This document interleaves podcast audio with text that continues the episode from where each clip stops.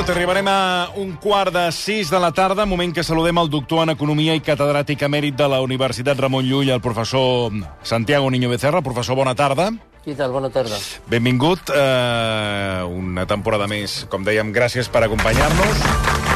I abans d'entrar en matèria, aquí el- l'eminència del senyor Boigas ha fet abans una reflexió que dic que aquesta reflexió vostè l'ha de traslladar al, eh, al professor niño. Santiago Niño Becerra. Niño. Per tant... Eh, Hola, niño, què tal? No, Què tal? No, Hola, escolti, niño, home, no. ahora el niño no. Hola, Senyor professor Niño. Santiago Niño Becerra. Professor, oh, niño, niño.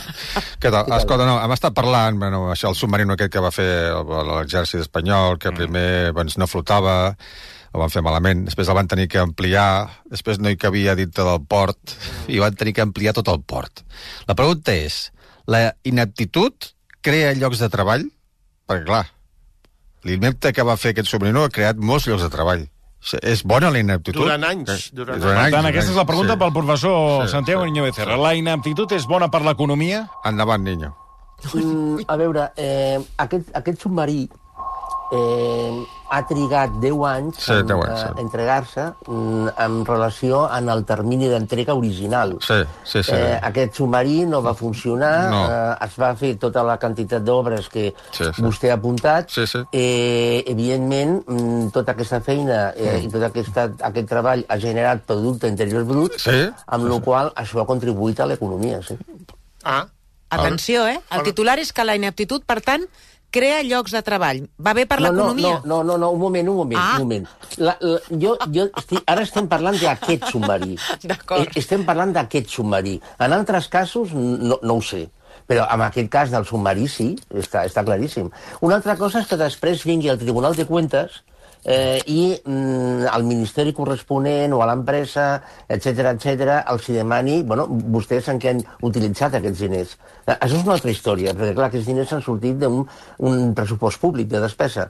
Eh, però durant el temps de construcció, remodelació, ampliació, manteniment, etc etc, ha generat per PIB, evidentment. O sigui, millor fer tot malament, eh? Tot malament és No, com no, un país tot- va bé. No, tot clar, no. clar, tu fas tot malament, s'ha de tornar a refer, una cosa que durava un any en dura 30, i el país, això és la manera de fer progressar el país. Bueno, jo, jo, ple, jo plego, eh? Teniu. Bueno, ja, vostè, vostè ha fet aquesta, aquest plantejament, dic que això li ha de traslladar al professor Sí. Niño Becerra. Sí. I també deixi'm dir-li que uh, la resposta del Niño Becerra, doncs... En aquest bueno, cas, no, sí. no ens l'esper- en aquest cas, No ens en aquest l'esperàvem, cas, sí, eh? no ens l'esperàvem, per tant... Eh, eh, premi pel senyor Buigas i premi pel, pel, pel, pel Gràcies. professor. Gràcies. Sí, sí. Eh, bueno, deixant de banda aquesta eh, pregunta del senyor Buigas, com sempre, preguntes de- d'una eminència D'un com vostè. alt, alt, alt, sí, sí. sí, sí. Eh, entrant en matèria amb coses més, diguéssim, més domèstiques, ha baixat la inflació en general, eh, també ha baixat la, la inflació subjacent. Eh, si li sembla, recordi'ns què és la inflació subjacent i per què és important que baixi no només la, la que seria la inflació general, sinó també la subjacent. Bé, la inflació general, mm, a l'IPC, eh, s'obté d'un cistell eh, que, que va variant amb els anys perquè incorporen béns i treuen altres béns, eh, que l'INE mm, calcula cada, cada mes eh, la variació d'aquest cistell. Bueno, i la, in- aquest, aquest és l'IPC, la inflació general. I la inflació subjacent és d'aquest cistell mm, restar el que són els eh, combustibles, energia, uh -huh. i els mm, alimentos, els aliments frescos no eh, elaborats. Clar, en aquest cas ha baixat la inflació general, però bueno, mm, amb, amb, amb l'època que estem ara tan volàtil a nivell de preus d'energia, jo, jo crec, home, està bé que hagi baixat la inflació general, però jo crec que és poc significatiu. El que sí que és molt significatiu eh, i molt interessant és que hagi baixat la inflació subjacent, perquè això el que significa a, a, bueno, a veure, jo no sé què passarà la, la setmana vinent, igual, igual el, el preu del petroli i el del gas es dispara, no? però si això no és així, això significa que la inèrcia de l'increment de preus de costos que ha tingut la inflació, l'energia, sobre tot el procés productiu ja està minvant. Eh, I, eh, és a dir, jo el que diria és que si al, al mes al, al mes de desembre i al mes de gener la inflació subjacent continua baixant o almenys, o almenys s'estanca, la inflació d'aquí sis mesos deixarà de ser un problema, jo crec. Que bé. Clar, aquí el tema, professor, és que els aliments i les begudes no alcohòliques, malgrat que la inflació hagi baixat, Mm. els preus dels aliments i les begudes no alcohòliques han augmentat. No ho han Sí. fet tant com el mes d'octubre del 2022, però continuen augmentant. La pregunta és, com es pot aconseguir que baixi el preu dels aliments? Perquè això ens afecta moltíssim. Bueno, clar, el preu dels aliments, eh, això és, és realment molt complicat. Mm, Per, per, per què és molt complicat?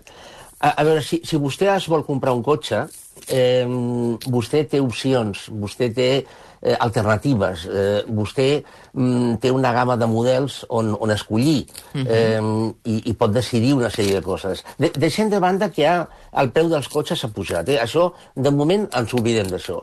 Però, clar, en el cas de l'alimentació mm, hi han poques alternatives. A dir, si, si vostè vol un, un paquet de pasta de sopa, mm, e- és cert que hi ha diverses marques, eh, però mm, amb un nitxo de qualitat semblant no hi ha tantes. Eh, és cert que vo- vostè pot anar, a una, pot anar a una altra botiga o a una altra cadena, però els, els, eh, les diferències no seran tan elevades. És a dir, hi ha una concentració d'empreses molt elevada en el, en el ram de la- l'alimentació, molt, molt el- elevada. I per què no baixa? Si baixa la inflació, per què no baixen els aliments? O sigui, què està passant aquí? Bueno, pues eh, aquí el que està passant és que jo crec que hem, hem arribat, i no només en el tema de l'alimentació en general, amb un canvi de model. Eh, és, a, és a dir, eh, mm, fins eh, fa 3-4 anys, l'objectiu de les empreses, i aquí ja sí que podem par parlar dels cotxes, eh, l'objectiu de les empreses era reduir costos, eh, per poder reduir preus de venda, vendre, vendre, vendre la, la major quantitat de, de béns possibles, de pasta de sopa, de cotxes, etc etc, per incrementar els ingressos i com els costos estan baixant, tenir més benefici. Crec que s'entén, no? Mm -hmm. Ara, ara, aquest raonament jo penso que eh, ja ha canviat o està començant a canviar. És a dir, eh, ara eh, jo crec que hi ha empreses que conscient o inconscientment comencen el, el, la casa per la teulada. És a dir, vosaltres, nosaltres volem guanyar, m'ho invento, el 4%. Per guanyar el 4% hem de vendre a aquest preu tenint en compte quins són els, els nostres costos, que evidentment volem que siguin els més baixos possibles. Ara bé, això significa vendre eh, aquest preu. Mm, això significarà que una, més car que el d'abans. Això significarà que una sèrie de consumidors no podran comprar, és igual, però com reduirem la quantitat produïda, els costos variables seran més baixos i assolirem el marge que havíem pensat. És a dir, jo crec que si abans l'objectiu eh, era mm, la, la xifra de facturació eh, i d'aquí sortia el benefici, jo crec que ara l'objectiu és el marge i a partir d'aquí es construeix tot el model. Um, professor, els diners de les llars, eh, segons el Banc d'Espanya, eh, en comptes corrents, van registrar a l'octubre la segona caiguda més gran de la història. Això què indica? És a dir, que s'estan eh, fent ús dels estalvis perquè no s'arriba a final de mes? És a dir, que és un, és un mal indicatiu de la relació del que seria el preu de, el preu de l'índex de la vida amb, amb, amb, amb l'IPC? Però, a veure, el, el tema dels estalvis, mm, eh, jo, jo crec que els estalvis eh, magatzemats durant la pandèmia, etc etc, jo crec que s'ha exagerat moltíssim perquè el, ma- el mateix Banc d'Espanya va, va reconèixer en un estudi eh, farà un any que el 60% d'aquests estalvis van anar al 20% de les famílies. Mm, És a dir, que estalvis d'aquells jo crec que mm, per la majoria, a la majoria de les famílies ja no els hi queda ni un euro. No? Eh, mm, el que passa és que és cert que els salaris han pujat, mm, eh, eh, eh, evidentment no, han, no, han, no s'ha recuperat tot el poder adquisitiu que, que s'ha perdut, però els, els salaris han pujat, i, i per altra banda les pensions continuen pujant. Eh, això significa que hi ha un, una massa de diners que, que, que pot circular.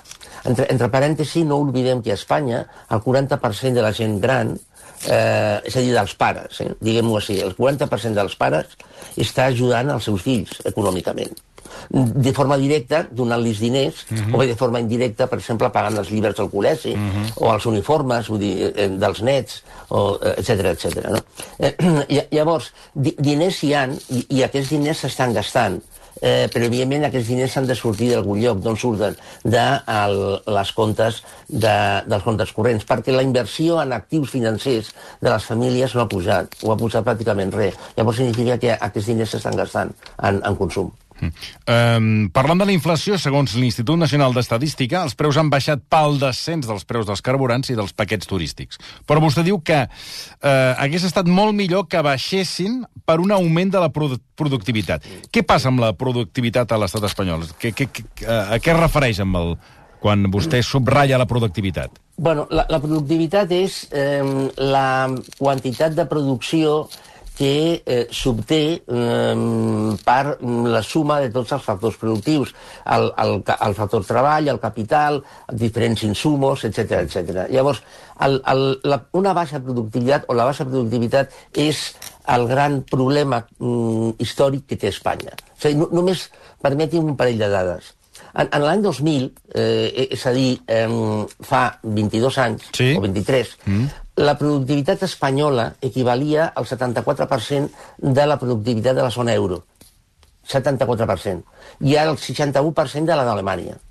¿Vale? Mm. El 2022, la productivitat d'Espanya equival al 76% de la zona euro i al 63% de la d'Alemanya. És a dir, que en, 20, en 22 anys o en 20 anys, 22, Espanya només ha guanyat dos punts de productivitat i continua per sota de la productivitat europea i de l'alemana en aquest cas.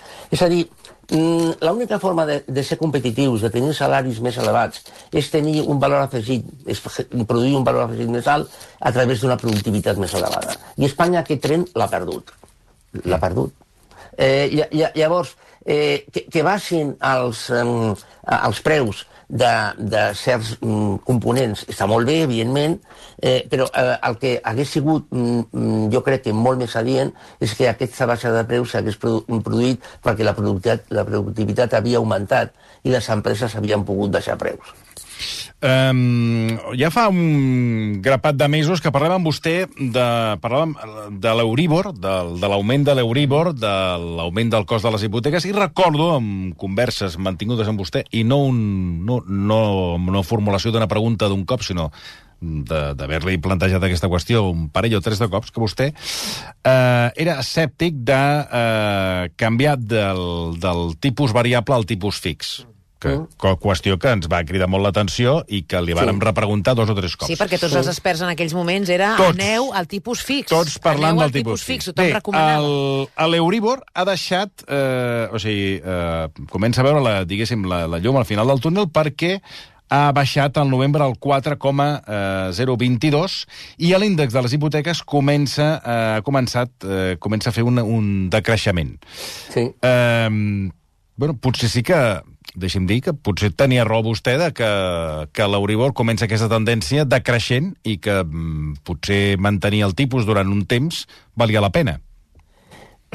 A, a veure, si, si, si vostè analitza l'evolució de l'Euribor des de l'any 2000 eh, fins a l'actualitat, veurà tres puntes, un a començament del 2002 o del 2001, una altra punta al 2008, eh, amb tot el tema de la crisi de Lehman Brothers, etc etc. Eh, I eh, un altre pic ara, mm, eh, quan, bueno, a, al 2023, començament del 2023, etc etc. És a dir, era absolutament absurd i il·lògic que a l'Euríbor, els tipus d'interès i a l'Euríbor continués a aquest nivell. Perquè, és, és a dir, un tipus d'interès elevat eh, i un Euribor ele elevat, evidentment, no només significa una situació dramàtica per les famílies que s'han d'enfrontar amb unes hipoteques o a, al pagament d'un crèdit per mm, eh, canviar la rentadora, etc etc. No, és que mm, és un, un, una destralada a la financiació, sobretot de les pimes. Mm -hmm. És a dir, eh, per, per una qüestió puntual, un tipus d'interès pot pujar jo, jo recordarà que també quan hem comentat això jo era contrari a la pujada d'aquest tipus d'interès que, que s'ha sí, produït. Sí, i tant, eh, també però, ho recordo. Però, però, però com mm, li deia, és absurd, era absolutament absurd que el tipus d'interès aguantés amb aquest nivell. I, I jo crec que ja ha iniciat una, una... Sobretot si lliguem amb el que dèiem de la inflació. És a dir, si la inflació desembre a gener continua, la subjacent, eh, continua estancada o comença ja a baixar, el tipus d'interès eh, d'una forma mm, bueno, evident, poden començar a baixar a partir del juny. I, i evidentment, jo torno a dir que l'interessant era mantenir el tipus variable d'hipoteques. Sí, sí, eh, per això li volia comentar, perquè ja ha començat a frenar-se i fer aquest eh, moviment eh, decreixent, per això li, li preguntava. Eh, parlant de la productivitat, eh, hi ha, la, hi ha el plantejament del govern eh, d'Espanya de reduir la jornada laboral tal com va pactar Partit Socialista Obrer Espanyol i sumar el seu acord de legislatura. Avui un informe del BBVA ha advertit que la retallada d'hores de feina podria retallar en sis dècimes el creixement anual al PIB durant els dos pròxims anys. No sé què en pensa vostè sobre aquesta, aquest plantejament del govern espanyol i d'aquest informe del, del banc BBVA. A veure, tornem amb, la, la, el que parlàvem abans. Espanya té una productivitat molt baixa, mm, ja, ja ho hem comentat, sí. entre altres raons perquè el seu model productiu és molt intensiu en factor treball. Mm. De, de, de fet, el model productiu d'Espanya té moltíssima més importància el factor treball que el factor capital. Mm. A, això, això què significa? Que Espanya, per eh, tenir el PIB que té, que, que no entro si és baix o és alt, eh, ha de treballar una sèrie d'hores. Eh, bé, punt i a part. L'única empresa, sota el meu punt de vista, que va afrontar bé el tema de la reducció de la jornada laboral va ser l'empresa Desigual. De Desigual va captar eh, la direcció de l'empresa va captar que hi havia, bueno, havia un enrenou entre els treballadors perquè volien reduir la, la, la jornada laboral. Mm. Llavors va fer un estudi eh, eh, i va arribar a una sèrie de conclusions. Llavors va reunir el comitè d'empresa i mm, els hi va dir, miren vostès, aquesta secció i aquesta secció no poden reduir mm, jornada. Llavors, la, la resta de seccions, l'empresa el que ofereix és reduir mm, la jornada laboral un 15% i els salaris al 6%. Perdó. Volen vostès fer un referèndum? Van dir que sí i va, va guanyar el sí. Això està ben fet. Perdó. Jesús. Eh, o salut. Però, bé, gràcies però eh, reduccions de jornada laboral lineal, eh, cafè per a tots, mm, indiscriminadament per tots els sectors, jo personalment, personalment eh, crec que no té sentit econòmic. No té sentit. Pot, pot tenir sentit, molt, mm, molt sentit polític, eh, però aquí no entro. Eh, eh, però econòmicament no té sentit. El BBVA Research ha mm, calculat que serien bueno, mm, aquestes sis dècimes. Sí. No, no, no, no ho sé. És a dir, mm. té, té lògica. No, suposo que està ben calculat. Per tant, vostè tampoc estaria a favor d'aquesta retallada d'hores? No, cuidado, de forma, de forma indiscriminada. Ja. Eh, és a dir... O sigui, hauria de ser d'una forma... Eh, quirúrgica. quirúrgica. Cada empresa, és, és cada empresa un amb, un, de, amb una reducció d'hores detallada. Exacte. Com, com va fer Desigual, mm, que, que recordem-ho, mm. eh, Desigual ja va dir d'entrada que dos seccions impossible. Mm -hmm. Impossible. Eh, llavors, fet així, es, pot, es podria arribar. És a dir, hi, hi haurien empreses que arribaran a la conclusió que no, altres que sí, altres que depèn, altres que... Bueno, però, però torno a dir, eh? És a dir, les, les mesures tipus cafè per a tots, això no funciona. No mm. funciona. Escolti, professor, i com veu vostè tot el que està passant amb la reforma del subsidi de l'atur? Per situar la gent, recordarem mm. que aquest subsidi és l'ajuda de 480 euros que reben moltes persones quan se'ls ha acabat la prestació per desocupació. I ara mateix hi ha una picabaralla entre les ministres Yolanda Díaz i Nadia Calviño per reformar el subsidi. Concretament, Yolanda Díaz aposta per ampliar les cobertures d'aquest subsidi i Calviño vol més control sobre els aturats perquè es posin les piles a l'hora de buscar feina i no rebutgin cap oferta quan estiguin cobrant aquest subsidi. Com veu vostè totes aquestes discussions? Miri, jo, jo aquest, aquest subsidi, aquestes reformes, etc etc, mm, eh, bueno, no se poden estar bé, però jo crec que primer, el primer de tot, es tindria de reformar el CEPE, eh, el sistema d'empleo públic. Eh, mm, el, el, el CEPE, eh, a Espanya, eh, només eh, aconsegueix crear el, eh, 8, el, el 4% d'ocupació, mentre que a França és pràcticament el 32%. Mentre que una, un, un empleat o empleada del CEPE s'encarrega d'uns 140 eh, desocupats, a França són 32. Eh, és a dir, poden fer una, una, un seguiment molt més acurat de la situació d'aquestes persones. Lla- Llavors, jo, per mi, el, el, a, la lectura ràpida eh, d'aquests 480 euros eh, i, amb totes aquestes eh, característiques que volen fer de que sigui a partir dels 50 anys o dels 60, etc. A mi el que em cansona és, primer, a renta bàsica i, en segon lloc, eh, a comprar una pau social perquè mm, és impossible generar eh, ocupació per, per tothom. Mm, en, per, per altra banda, això que diuen de que mm, de que, és a dir, que tothom tingui feina, vagi la paraula. Mm. Eh, això, que, això que es diu de que eh, seguir, fer un seguiment de que les persones que aconsegueixin ocupació, etc etc. a, a veure, una, una, un, un mà d'obra, un, un mosso de magatzem, eh, un paleta eh, que ha quedat aturat amb 45-50 anys eh, i que porta 35 anys posant maons un sobre l'altre o movent eh, amb, una, amb una carretilla paletitzadora mm, palets amb el magatzem aquest, si es queda sense feina, si les empreses el que volen ara, el que, necessita, el que necessiten ara sobretot són persones d'alta qualificació, és a dir, en què es pot reciclar aquesta persona? És a dir, si, si a Espanya, el, el gran problema d'Espanya és que a Espanya ah, estem creant una bossa d'atur eh, que està al voltant del 10, 11, 12%, que serà la nova xifra d'atur estructural. És a dir, impossible de reduir. I, llavors, eh, mm, ja he dit que eh, a mi aquests 4- 480 euros, i m'és igual que al final siguin 460 que, que 500, eh, m'és igual. Eh? El que em sona és a renta bàsica. Per tant, mm, de moment, eh, bueno, veurem, veurem en què queda, però que no li sembla mal... Però, vale, que professor- vaja, que és inevitable que es paguin aquests diners, perquè La, ja, la, la, gent la pregunta que li volia fer al feina. professor és que en ocasions, no sé, la primera vegada, hi ha un atur que mai acaba de baixar-se Sí.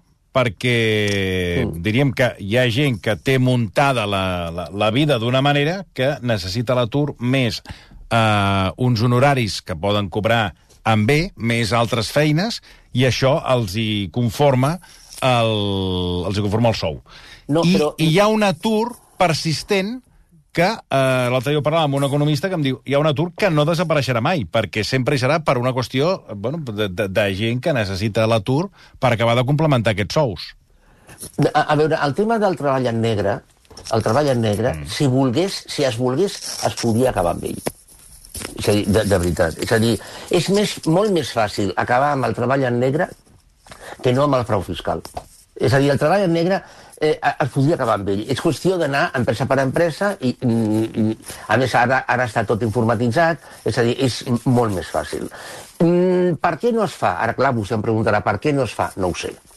Eh, mm, si recordem a l'època aquella de l'Espanya va bien, que tothom que volia tenia un Audi eh, o un Cayenne, se'n recorda d'aquesta època? i tant, bueno, va- n'hi havia, havia més que, que Seats. Exacte. Bueno, doncs, en aquella època, que era època del paroxisme màxim, etc etc, a l'atur no va baixar a Espanya del 6,8%. És, és a dir, eh, Espanya té un problema... Té un Pues problema... és, és, però aleshores ve a la meva, que hi ha un atur eh, que no, no, no desapareixerà mai. Sí, perquè és, és inempleable. Eh, És a dir, de, deixant de, o sigui, hi ha un atur, que vostè ho ha apuntat, que són los jetas que tenen un treball en negre, no sé què, llavors Bueno, cobren l'atur. no, no, no, no necessàriament los. O sigui, aquí hi ha un atur, és a dir, eh, amb, amb l'atur més el que poden fer d'altres feines que els hi paguen amb bé... sumen tot ho i amb això sumen tot tirant. I amb això van tirant. I després, quan s'acaba l'atur, pots ir a buscar una feina. Però des, vull dir que la gent s'ho va muntant com poc. Amb el que Sí. vull dir és que hi ha gent que necessita tenir l'atur o passar per l'atur per sortir endavant. No, Toni, i que jo, jo conec un agent social eh, una persona que es dedica a intentar ajudar gent que Sí. no té feina, a veure, ajudar-los, eh, a, veure, a, a, a trobar feina, i que s'ha trobat amb casos de gent que li ha dit no, no, jo prefereixo el subsidi Ah, exacte. perquè Bueno. entre el subsidi i el que, com diu el És- Toni, és el jo dic. aconsegueixo un bé, Clar. prefereixo això que no pas la feina que vostè em dona que cobraré menys. Exacte. És, Bueno, però- és, el que, és el que, És gràcies, això, Marta. És, qual. que, és el que estic dient, perquè jo també conec casos. Però to- torno a dir, si això passa és perquè es permet. És a dir, amb una, amb una inspecció de treball realment com cal, el 80% d'aquests casos es podrien detectar. Es podrien detectar. El que passa és que, bueno, no sé per què no es fa. Ja. És una mica semblant al frau fiscal. Per què no es persegueix més el frau fiscal? No ho sé. Eh, És a dir, però les dades estan allí. Bueno, potser- jo jo, jo m'estic referint a un atur estructural que és bueno, inempleable, és a dir, és el que deia el mà d'obra, el paleta, que eh, s'ha passat durant 30 anys posant maons i que ara està acomiadat. Bueno, aquest senyor, bueno, en el 99% dels casos, mai trobarà feina. Perquè ja no el volen. Exacte. I ja no és necessari. Ja no és necessari. El problema, el gran problema, és que això està començant passant amb els joves. Això està començant a passar amb els joves. Joves que ja no els volen. El Sí, que el exacte. mercat ja no els vol. Sí. Per, per exemple, és absolutament absurd, absurd, il·lògic, busquin el qualificatiu que, que vulguin, que l'atur juvenil a Espanya sigui el 26%. Eh, És a dir, d'acord que estan els ninis, que són unos jetas que viuen dels seus pares. Vale, co- correcte, correcte. A, això és el X%. I després hi haurà una, un, un altre jovent que està treballant, vull dir, en negre, correcte. Però hi ha un percentatge de, de jovent mm, que no té formació suficient o inadequada o X raons que és inempleable. Llavors, que, que, un, que una persona de 55, 57 anys eh, sigui, mm, sigui en aquesta situació és dolent. Però que una persona de 26 anys, 25 anys, estigui en aquesta situació és brutal. És brutal. I això està començant a passar. Escolti, eh, ara anirem a un repic de campanes per veure si plou, i d'això en volíem parlar amb vostè. Sí, sí, ara hi anirem cap a, cap a Vic. Eh, abans, però, aquesta setmana el ple de l'àrea metropolitana de Barcelona ha aprovat encarir 2,5 euros al mes el rebut de l'aigua per cada abonat per pal·liar els efectes de l'augment dels costos per la sequera. Mm. Uh, vostè ens ha, ens ha apuntat que això és el principi d'una gran escalada pel que fa al preu de l'aigua a conseqüència de- d'aquesta sequera i d'aquest canvi climàtic de la que estem parlant. Ens hem de preparar, doncs, professor, per, per pagar l'aigua cada cop més cara? A, a, a veure, l'any 1998 va haver una sequera brutal. Sí. brutal. L'any 2008 també va, va, va haver una sequera brutal. Bé, agafem la, del- la del 2008. Del 2008 a- fins aquí, què s'ha fet? Algú, algú s'ha fet, però molt poques coses. Té El- tota la el- raó. El problema... Se'n recorda que se'n va començar a parlar del trasbase del Ròdano? Sí, Se'n recorda? home, i Vale. tant, del Roine, sí. Bueno, què, què ha passat amb això? Això està...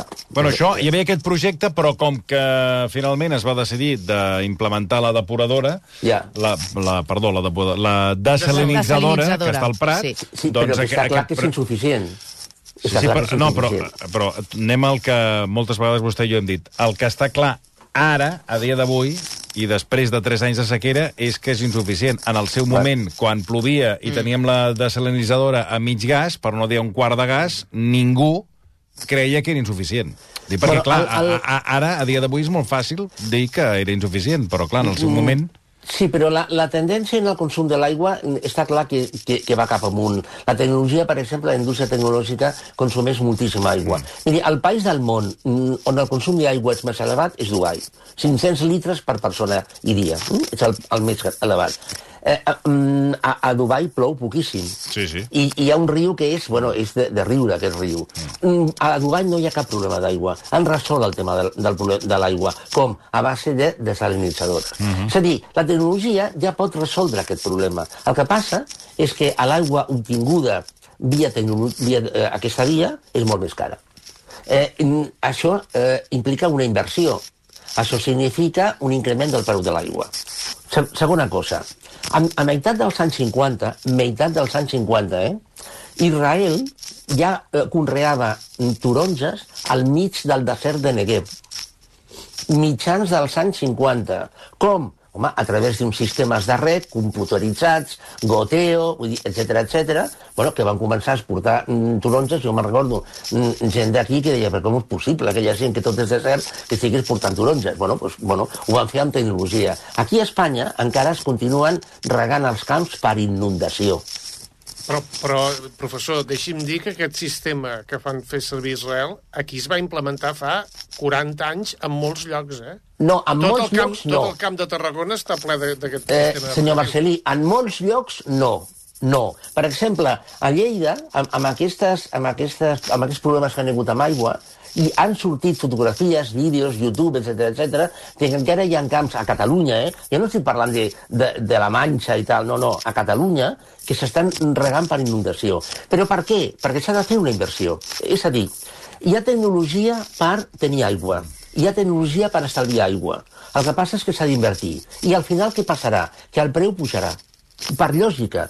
Eh, És a dir, jo el que crec és que d'aquí a dos anys, que seran dos anys que jo crec que seran duríssims, quan la gent estigui farta de talls i de problemes i de etc etc, la gent es faran aquestes inversions que possiblement seran inversions privades, de fons d'inversió, etc etc, i llavors tindrem aigua, però tindrem que pagar per aquesta aigua.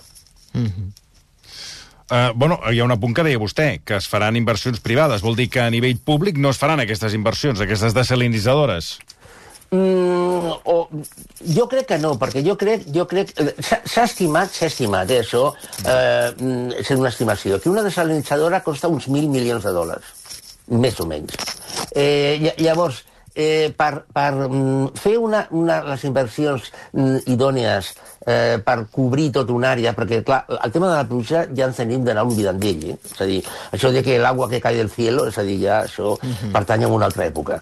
Eh, I llavors, clar, això s'ha de posar en marxa i jo crec que, mm, almenys a Espanya, a Dubai sí, a Dubai cap problema, eh? Almenys a Espanya el, mm, el, no, el, el sector públic no té potència per posar en marxa aquestes inversions. Per exemple, un, un, un lloc a Espanya on hi havia un problema, problemes d'aigua brutal és Canàries. A Canàries ho han resolt a base de desalinitzadores. Però mm, aquestes desalinitzadores tenen subvenció pública. Ja.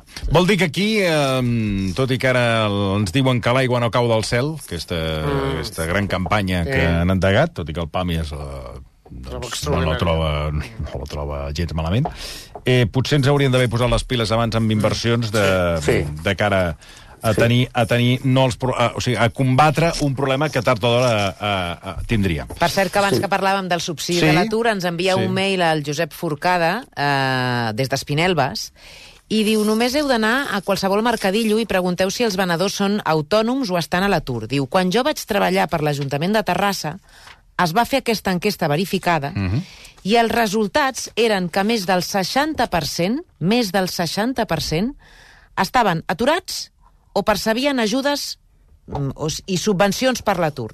I diu ell, un país de pillos que continua i s'incrementa. Bueno, però, a a veure, és el, que, és el que jo he dit abans. És a dir, això, si s'hagués volgut, s'hagués pogut evitar. S'hagués pogut evitar. Bueno, jo torno a defensar que... Ja, digui, digui, perdoni, professor. No, que, per, per què no es va fer? No ho sé. Per què no es fa? No ho sé. No, no ho sé. Eh, mm, No té cap hipòtesi de vostè de per què no es fa això?